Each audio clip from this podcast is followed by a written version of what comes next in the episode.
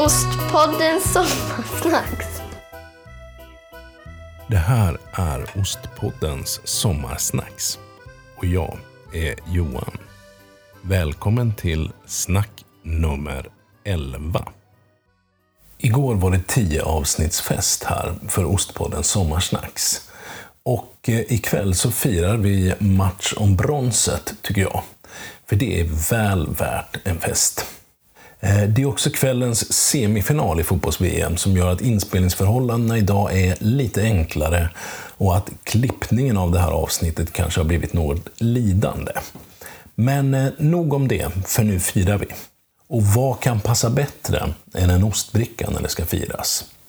Ja, det kanske inte är oväntat att det är jag som skulle säga det. Men eh, någon måste ju säga sanningen. Och det finns ju mycket att säga om vad man kan ha på sin ostbricka och hur man njuter den som bäst. Jag tänker framför allt på ostarna då. Sån är ju jag. Men eh, sen har vi ju varit inne och nosat lite grann på tillbehör. Nu eh, senast bröd och kex, har jag för mig. Fast leva icke av bröd allenast, tror jag det står i Bibeln någonstans. Ett av de få bibelord jag lärde mig och det var i gymnasiet någon gång. Jag tror vi använde det som eh, ursäkt för att Eh, kunna dricka en och annan öl också. Men eh, leva icke av bröd allenast och icke av ost allenast heller. För vi ska väl ha något att dricka till också, precis som vi tyckte i gymnasiet. Frågan är bara vad. Och vin, det är väl det reflexmässiga svaret de flesta av oss har på den här frågan. Och för många av oss så är det nog rödvin som är det man tänker på i första hand. Själv skulle jag säga att det optimala svaret, det är en dryck till varje ost. Vin av något slag, kanske öl, kanske någonting annat. Vi ska återkomma till de här varianterna längre fram i Ostpoddens sommarsnacks.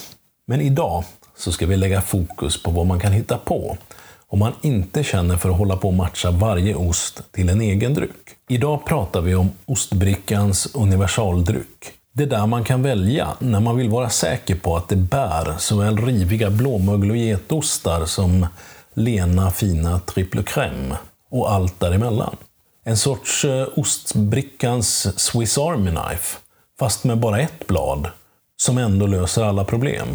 Ah, det där var väl ingen vidare liknelse, men eh, du fattar säkert hur jag menar. Och nu är det väl ändå dags att komma till saken. För ostbrickans Jack of all trades, där har vi uttrycket. Det är en bra låt med Bruce Springsteen också. Ostbrickans Jack of all trades i alla fall, det är en Pinot Gris. Ja, det är i alla fall mitt go-to-vin, eller min go-to-druva. Och det har det varit i åtminstone 15 år. Och eh, det jag brukar plocka fram, det är Bestheims Pinot Gris Premium Reserve, som jag tycker är ett väldigt prisvärt vin. Det ligger på strax under hundralappen, tillverkat i Alsace på Pinot Gris-druvor givetvis. Då. Och grejen med det här det är att det är ett friskt vin, men det har ändå lite restsötma kvar. Och det sammantaget gör att det här vinet hanterar hela smakpaletten på en ostbricka.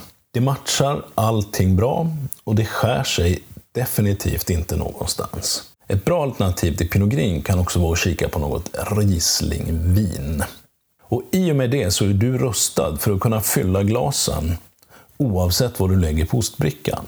Så småningom kommer vi också, som sagt, att kika närmare på vad, mer specifikt, som passar till vilka ostar. Tills dess, eh, sitt säkert i båten med en Pinot Gris.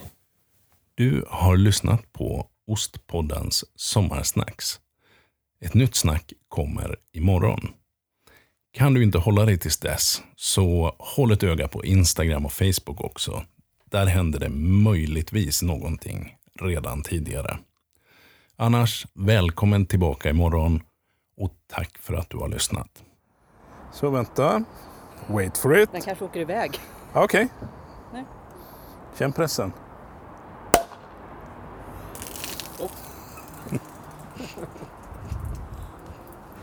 Ost på den sommarsnack.